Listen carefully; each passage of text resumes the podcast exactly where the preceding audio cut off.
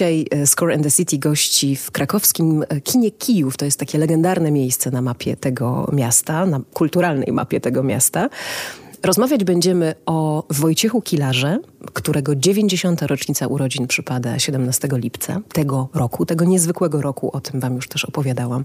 Jaki to ten 2022 w kontekście 1932 i innych dat jest y, szczególny. A ze mną jest biografka kompozytora Wojciecha Kilara, ale nie tylko, bo także biografka Henryka Mikołaja Góreckiego i za chwilę dosłownie, bo książka już niebawem będzie wydana, Jeremiego Przybory, Maria Wilczek-Krupa. Witam cię bardzo serdecznie. Dzień dobry, witam cię równie serdecznie.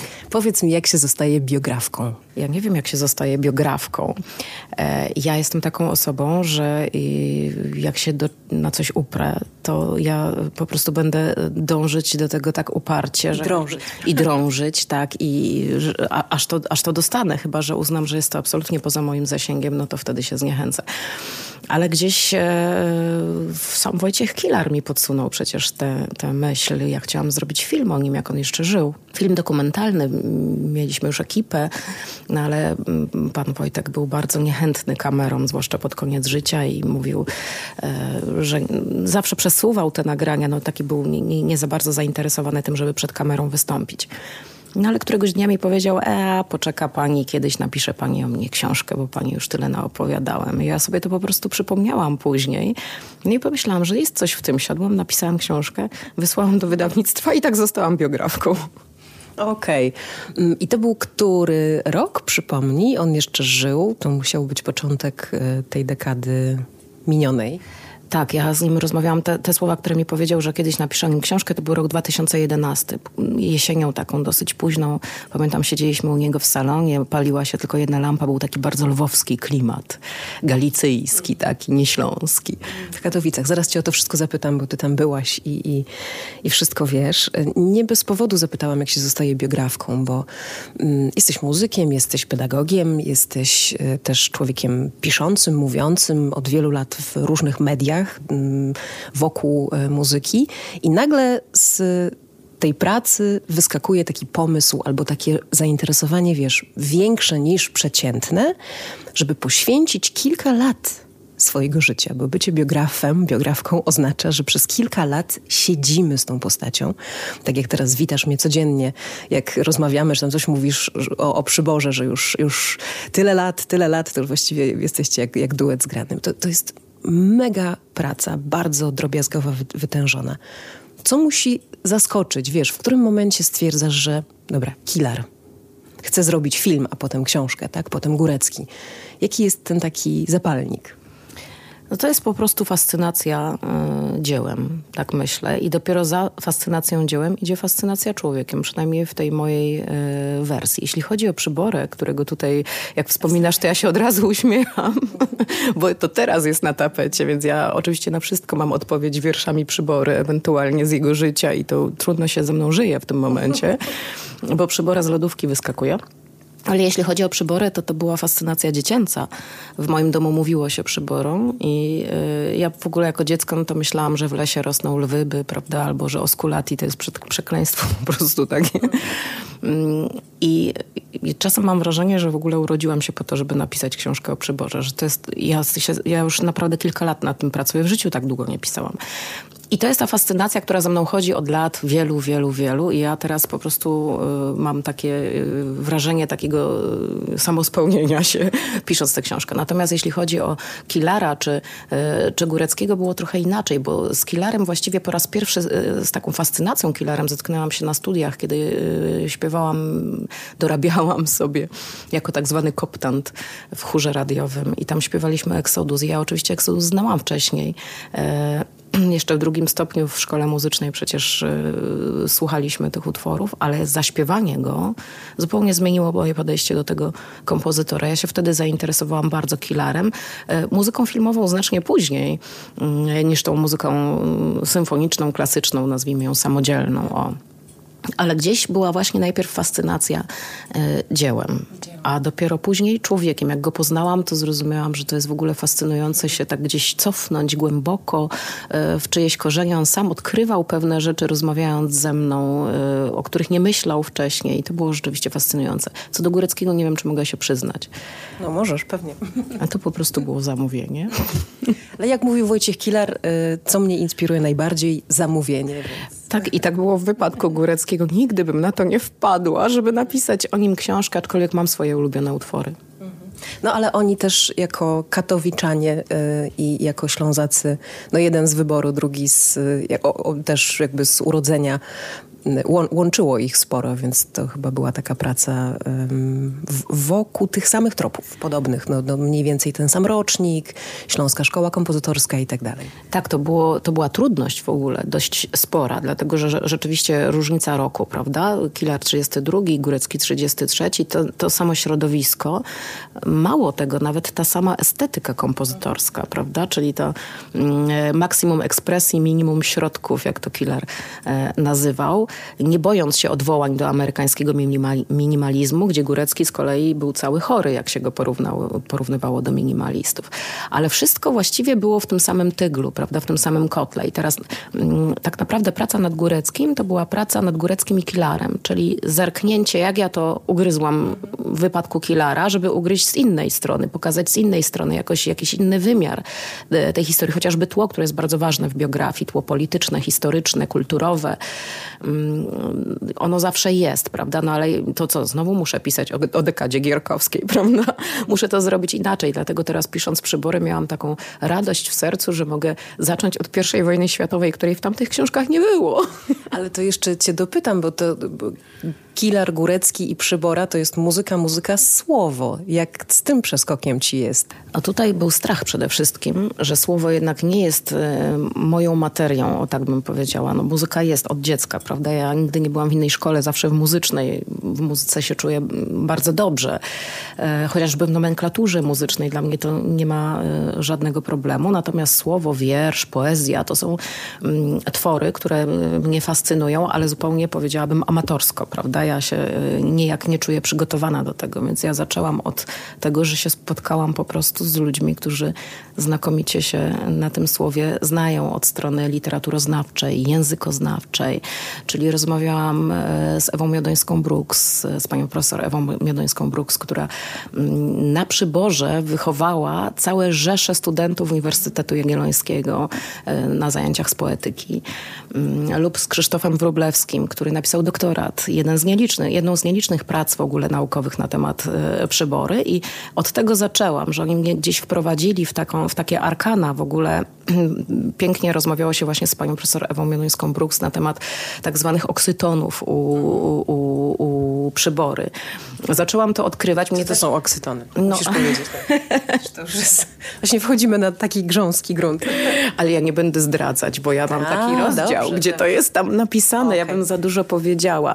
Rymy oksytoniczne to już sobie można, o tak, tak, tak dopowiem, to już będzie wiadomo o co chodzi, bo to można sobie przecież sprawdzić, a nie chcę mówić za dużo, bo to całe, no dwa nawet rozdziały oparłam o taką strukturę językową e, w ogóle tej, tej poezji. Przy czym mnie nie była potrzebna taka wiedza bardzo naukowa, tylko bardziej taka, taka podstawowa, żeby można było to wpleść właśnie w biografię. No to nie jest łatwe, może dlatego ta praca tak długo idzie. Więc to słowo rzeczywiście na początku mnie stresowało, czy ja to, czy ja to uciągnę. Teraz sprawia mi ogromną przyjemność. Super.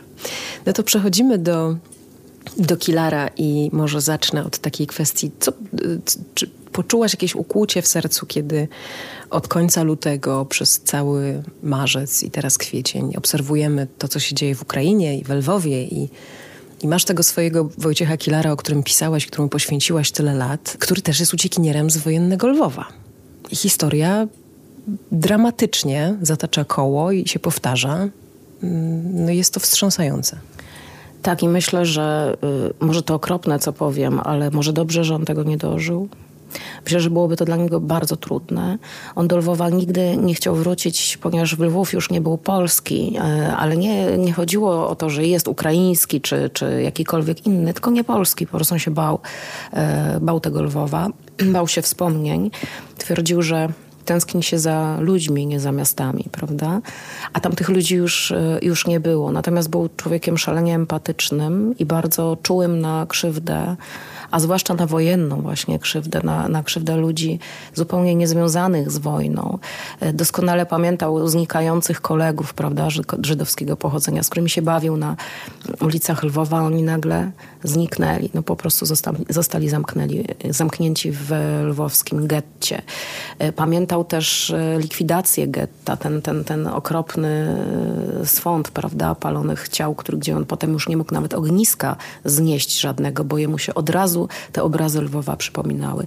Także no, pierwsze, o czym pomyślałam, to, to kiedy była mowa w ogóle o, o Lwowie, to, to właśnie o tym, w jaki sposób on by do tego podszedł, jak, jak, jakby Kilar to przeżywał. Ja myślę, że to byłoby dla niego przeżycie ponad siłę. A czy mm, spróbujesz odpowiedzieć na takie pytanie, które też ja sobie stawiałam i w odcinku właśnie o roku 1932, bo mamy tę niezwykłą kumulację, kumulację 90. urodzin y, wspaniałych kompozytorów muzyki filmowej. Y, zastanawiałam się głośno, co sprawiało, że ten Lwów polski był takim magicznym miastem. To jakby ciebie zapytać, to co odpowiadasz? Dlaczego Wojciech Kilar, ukształtowany i zachwycony Lwowem, mówiąc o tym Lwowie w przepięknych słowach do końca życia, właśnie tym Lwowem się zachwycił, chociaż spędził tam zaledwie parę lat pierwszych swojego życia. Akurat w wypadku Kilara, myślę to jak w wypadku każdego człowieka, nas ciągnie, y, zwłaszcza już w późniejszych latach, do korzeni, prawda?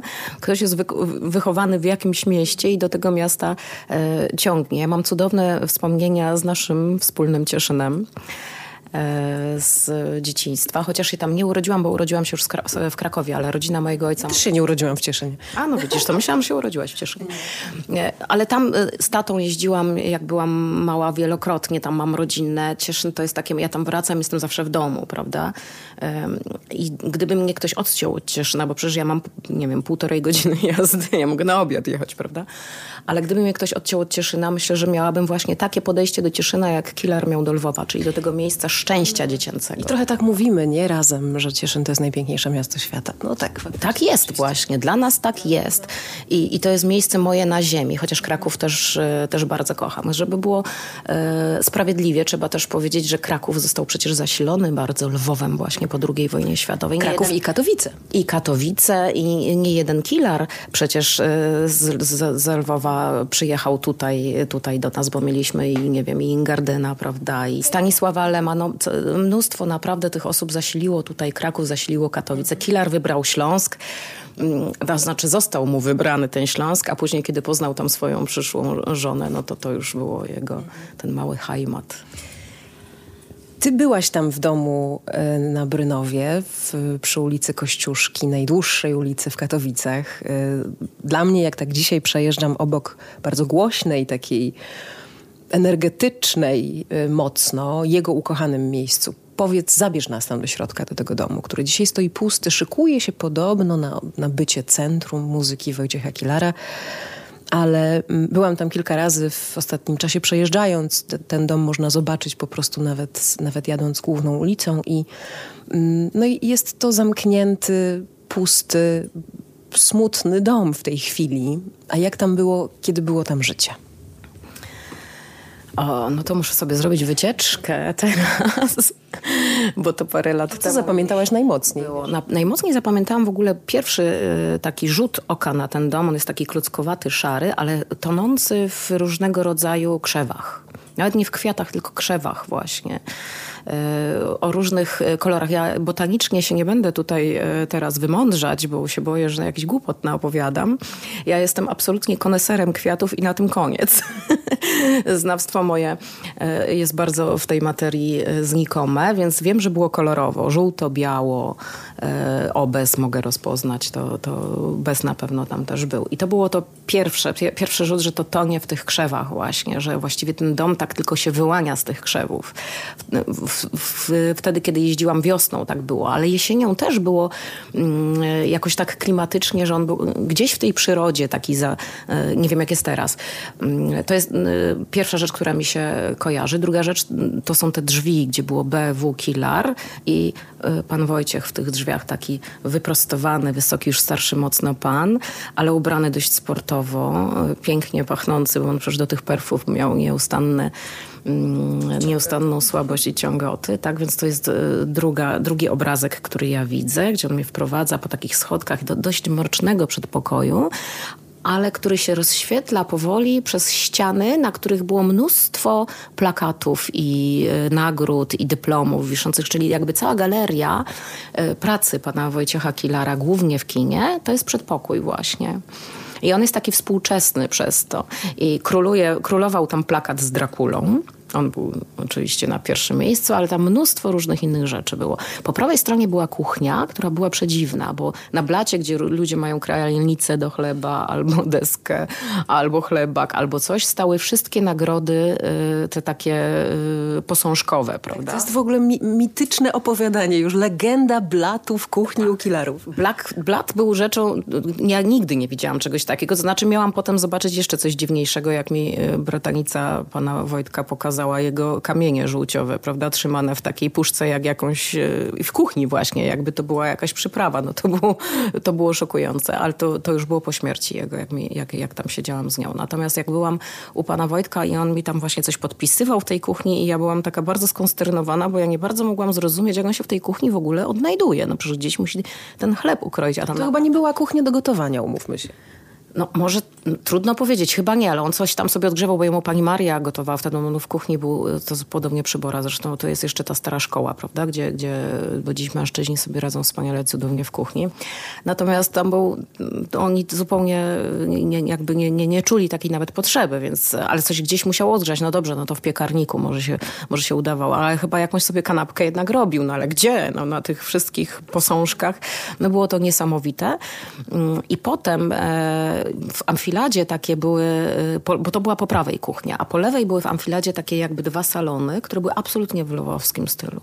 To było, wchodziło się tam i się przenosiło zupełnie do Lwowa. Parkiet drewniany, fotele, takie wygodne, kolorowe lampy, takie kilimy na, yy, na ścianach. Oprócz tego obrazy Dudy Gracza, bo przecież się przyjaźnili, prawda? Ten kot taki czarny, yy, jeden z, z, z obrazów właśnie Jerzego Dudy Gracza. Yy, I taki takie łoża e, duże, na których odpoczywała pani Basia, kiedy chorowała. No i na jednym z nich później odszedł pan, e, pan Wojciech właśnie. I to wszystko było gdzieś mnóstwo podobizn kotów i to wszystko było takie właśnie w charakterze bardzo lwowskie. To znaczy, ja tak mówię, że bardzo lwowskie, bo przecież nie byłam w Lwowie w tamtym czasie. To jest moje wyobrażenie Lwowa. Ja sobie tak właśnie wyobrażam, taki stary galicyjski, kamieniczny nawet bym powiedziała e, dom, a to przecież śląski w ogóle zupełnie inna sceneria. Po prawej się szło na werandę i tam z kolei było mnóstwo kotów żywych. I tu rzeczywiście pan Wojtek miał słabość, a jednocześnie ich nie, nie denerwowały go, bo mówi, że go za chwilę już zjedzą mu wszystko, bo one przychodziły. Bezczelnie się domagały o określonej porze jedzenia, bo on je do tego przyzwyczaił. Więc w ogóle nie było rozmowy, że on ma jakąś inną tam pracę, czy właśnie rozmowę, czy, czy coś, bo te koty po prostu zaczynały tam miauczeć pod, na tej werandzie i, i, i go ochrzaniały, gdzie to jedzenie. Później jak on zmarł, to myśmy tam właśnie z panią Izą chodziły i te koty dalej były takie bezczelne, ale urocze w tym, tej bezczelności swojej, jak to koty, prawda? No koty rządzą wszystkim. On miał straszną słabość do nich i ta weranda służyła za taką jadłodajnię. I to są takie wspomnienia. Górę już pamiętam znacznie mniej, schody pamiętam na górę, ale tam już żeśmy się rzadko zapuszczali, bo tam jak szukał jakieś partytury pan Wojtek, to tak. Tam była pracownia. Mm, I co też zapamiętałam, to te ściany wyłożone jakimiś takimi kwiecistymi tapetami. Myślę, że to ta lwowskość jest tutaj w tych kwiecistych tapetach. W tej mojej głowie oczywiście. No, tak chyba mogę opowiedzieć o tym. I y no chyba możemy powiedzieć, że, że większość, jeśli nawet nie wszystko, co napisał, powstało właśnie tam. O tak, e, to było w ogóle miejsce takie jego na ziemi, prawda? No ten dom, może nie wszystko, bo mm, ten dom koniec lat 70., kiedy się przeprowadzili państwo Killarowie. Tak, od pewnego momentu. Od pewnego momentu. Wcześniej, ale właściwie wszystko powstało w Katowicach, bo pierwsze kompozycje to jest Rzeszów, pierwsze kompozycje Killara. To, one są dzisiaj, mamy zabawę dzieci, mamy te miniaturki, jakiś mazureczek. Ale to są takie bardzo młodzieńcze utwory, o których on sam mówił z takim troszeczkę może przymrużeniem oka, ale one istnieją. Natomiast na przykład kompozycje filmowe, no to to są wszystko Katowice. Te najbardziej znane kompozycje dzisiaj, e, czyli chociażby właśnie Exodus, który przywoływałam, to jest przecież już Brynów. Jak najbardziej. To są, to, jest w ogóle, to są pierwsze lata na Brynowie wręcz. No i potem Angelus, już o Misca Propacza nie wspomnę, prawda? To są wszystko utwory powstałe właśnie na Brynowie, gdzie on się czuł najlepiej i najszczęśliwszy.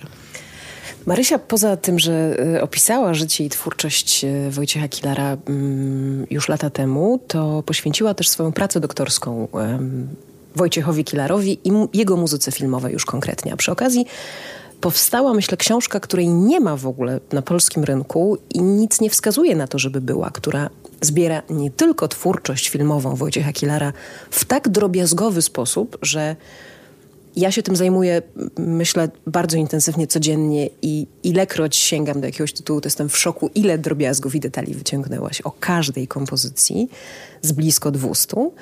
Ale w pierwszej części tego twojego doktoratu, czyli poetyki muzyki filmowej Wojciecha Kilara, jest też jakby w ogóle, w ogóle historia e, muzyki filmowej generalnie. Wyłuszczona, jakbyś chciała do nas zapukać, drogi widzu, tak to było.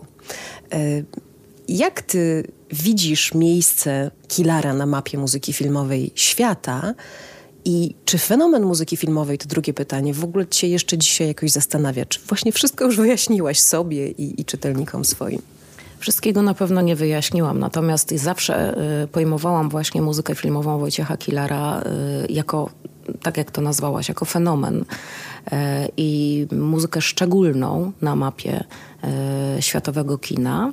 I zaczęłam zastanawiać się, dlaczego.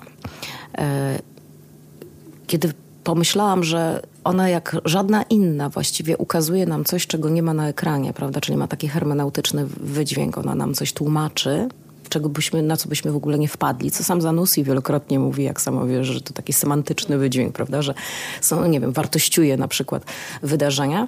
Jak e, to zrozumiałam, to zaczęłam e, śledzić e, koncepcje muzyki filmowej, które do tej pory się ukazały, takie teoretyczne i wszędzie było to pomijane właściwie. Wszędzie ta muzyka była albo ilustracyjna, albo kontrapunktująca, albo komentująca. Różne funkcje wyciągano. No, nie mówię o tym, że pierwsi teoretycy kina mówili o tym, że ona ma tam fizjologiczne w ogóle znaczenie, prawda? Czyli, że zagłusza projektor, czy też yy, jakieś... Sprawia, że widowisko jest widowiskiem. Tak.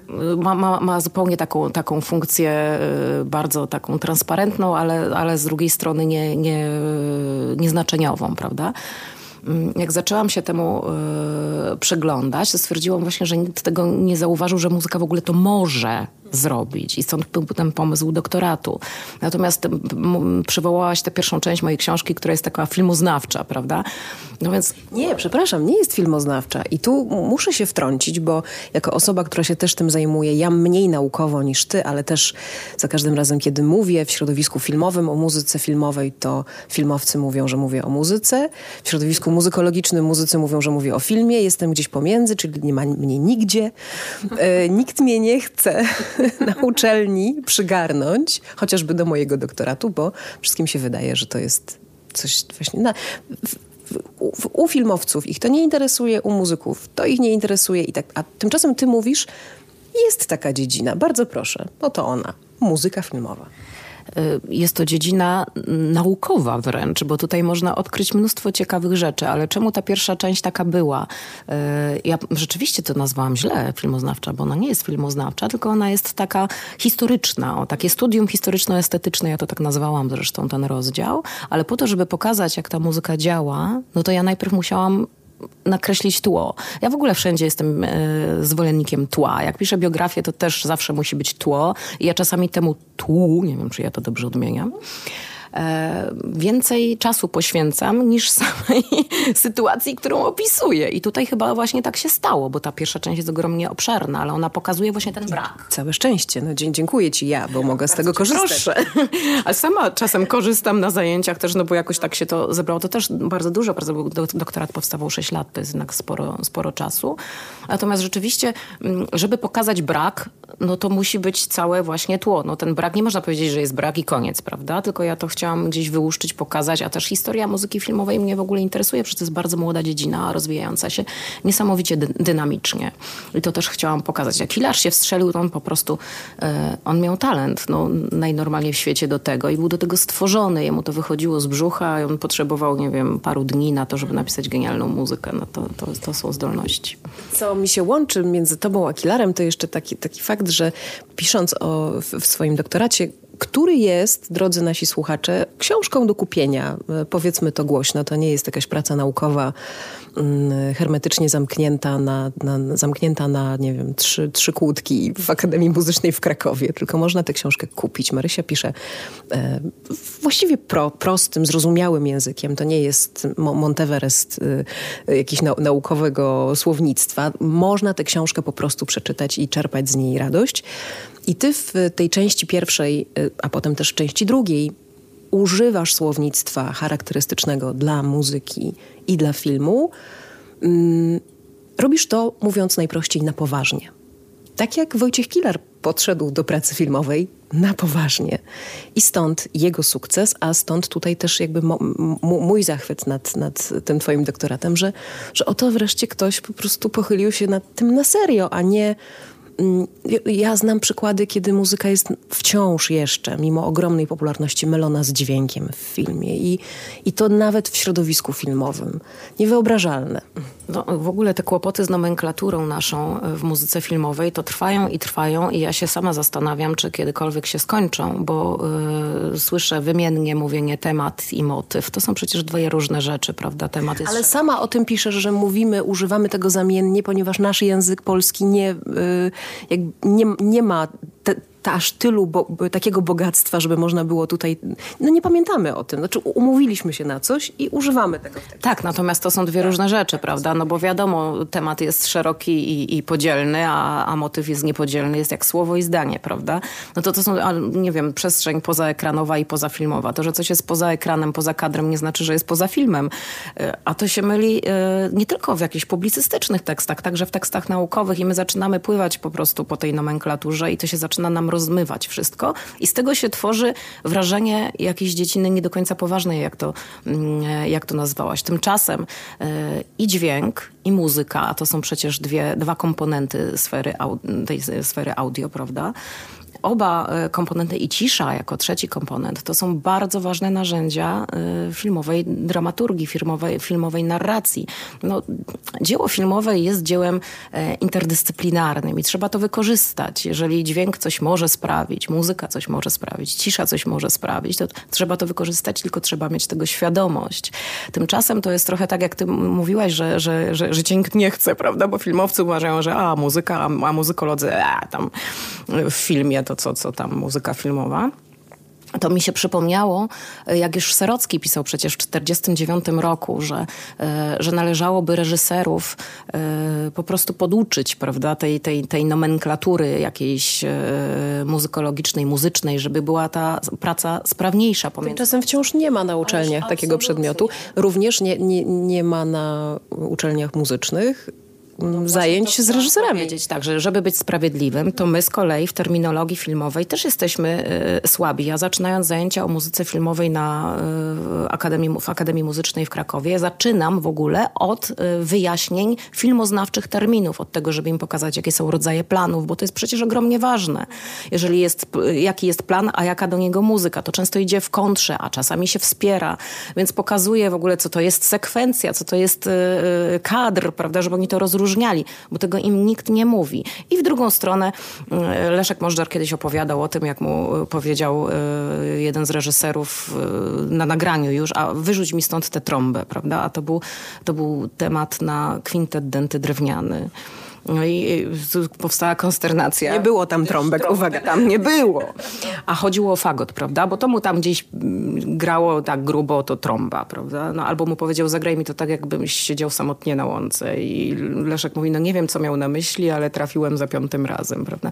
No czyli szwankuje komunikacja po prostu. Jeżeli się ktoś zajmuje dziedziną muzyki filmowej, nie może się nie zajmować filmem. Nie ma takiej możliwości.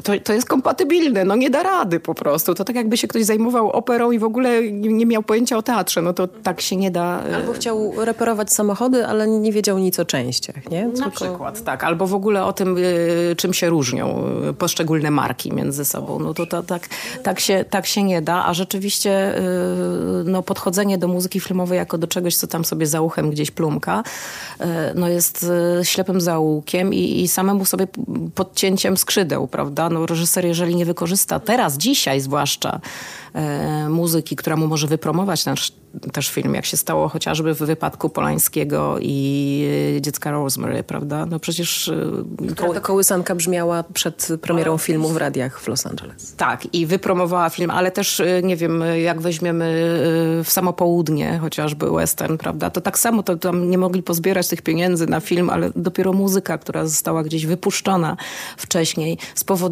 że te pieniądze się znalazły. No, ale to już mówimy tak bardzo przyziemnie, ale w ogóle artystycznie muzyka może przecież zrobić cud cuda. No myślę, że słuchaczy akurat z tego podcastu nie trzeba przekonywać o tym. A powiedz y, jeszcze o Kilarze. Czym się świat zachwycił, zachwycając się Kilarem? Masz na to jakieś słowo? Potrafisz to ubrać? Co tak naprawdę sprawiło, że, że chociaż jego obecność w Hollywood nie była długa, nie była wytężona, ani nie była jakaś przebogata, nie zakończyła się Oscarem, to jednak wciąż jak zapytasz w Hollywood o Killara, to oni wiedzą, e, o kogo chodzi. Myślę, że tak w kilku słowach, już to tak mnie zaskoczyłaś teraz, bo to jest takie pytanie, a właściwie powinnam się go spodziewać, prawda? Ale myślę, że e, Killer jest bardzo malarski. E, Kaczmarek to ładnie powiedział, taki szerokim pędzlem pisany. E, I w dobie e, muzyki, która jest coraz bardziej, powiedziałabym, ascetyczna, jeśli chodzi o taki wydźwięk, wiesz, emocjonalny, to właśnie ta emocjonalna muzyka Killera z tą szeroką kantyleną, z tą orkiestrą, e, z tysiącem barw i z tymi rytmami tanecznymi, chociaż Killer tańczyć nie umiał, ale świetnie pisał tańce, prawda? Ona po prostu wpada w ucho, ale to jest jakby pierwsza warstwa tej, e, tego fenomenu. Ona wpada w ucho i ona jest e, dobrze słyszalna.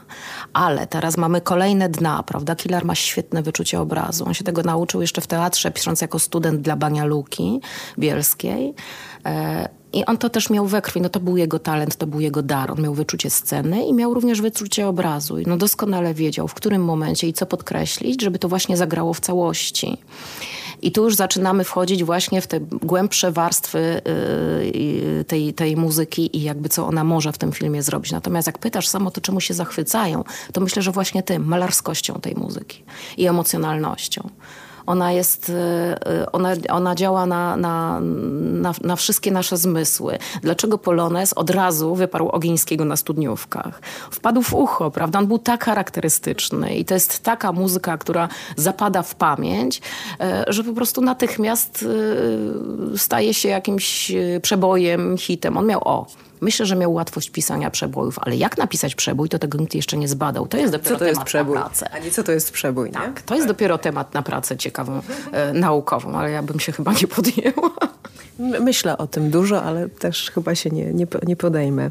90 lat od urodzin Wojciecha Kilara, y, muzyka, która jest wciąż... Y, wciąż piękna, wciąż y, sprawna na estradzie i w kinie, i kiedy pytam różnych ludzi, kogo brakuje dzisiaj z tych, którzy odeszli, bo ewidentnie jakaś epoka się kończy, ona tak się kończy, kończy, kończy już, nie wiem, z tych reżyserów starszego pokolenia naszych mistrzów został nam Janusz Majewski, e, Jerzy Hoffman i tak naprawdę no, coraz mniej.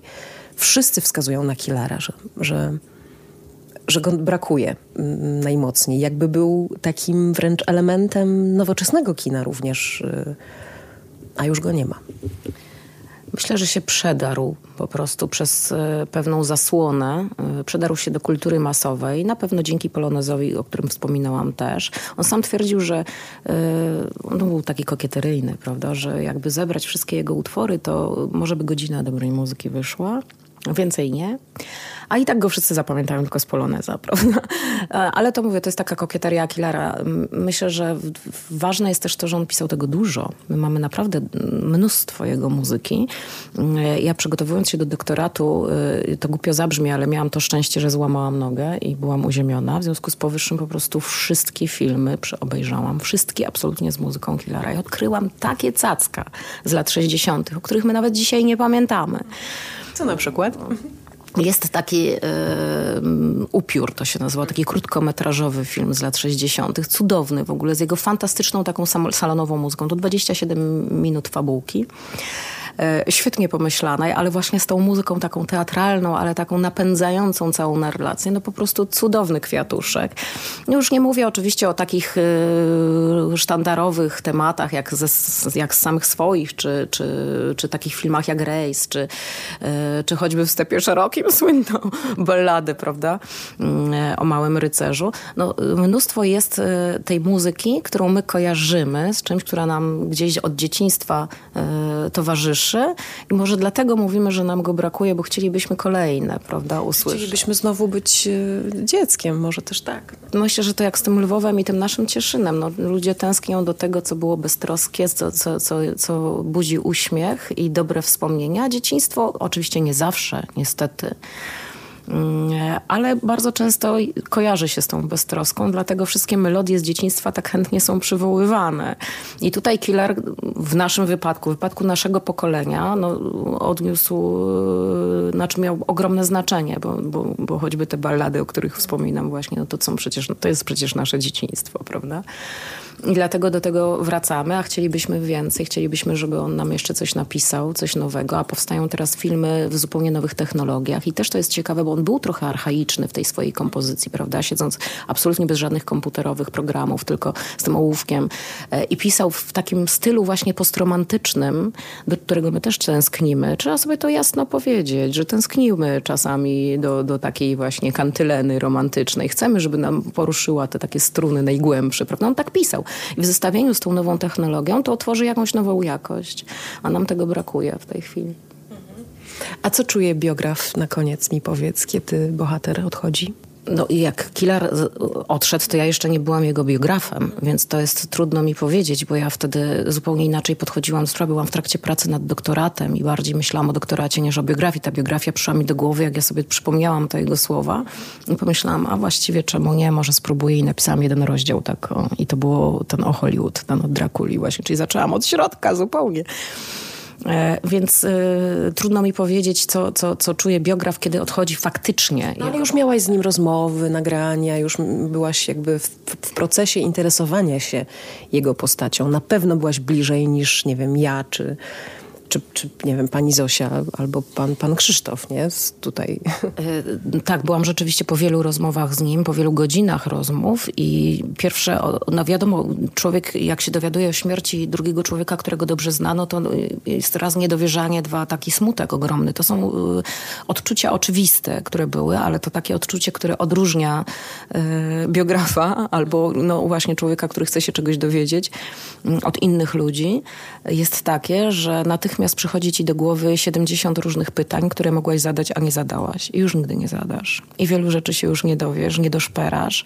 Chociażby to, o którym rozmawiamy wielokrotnie y, w kwestii mm, Władcy Pierścieni. Chciałam cię zapytać o, o, pytanie, którego nie zdążyłaś zadać Wojciechowi Kilarowi. To wyłóż je proszę tu i teraz, żeby wszyscy wiedzieli, o czym rozmawiamy?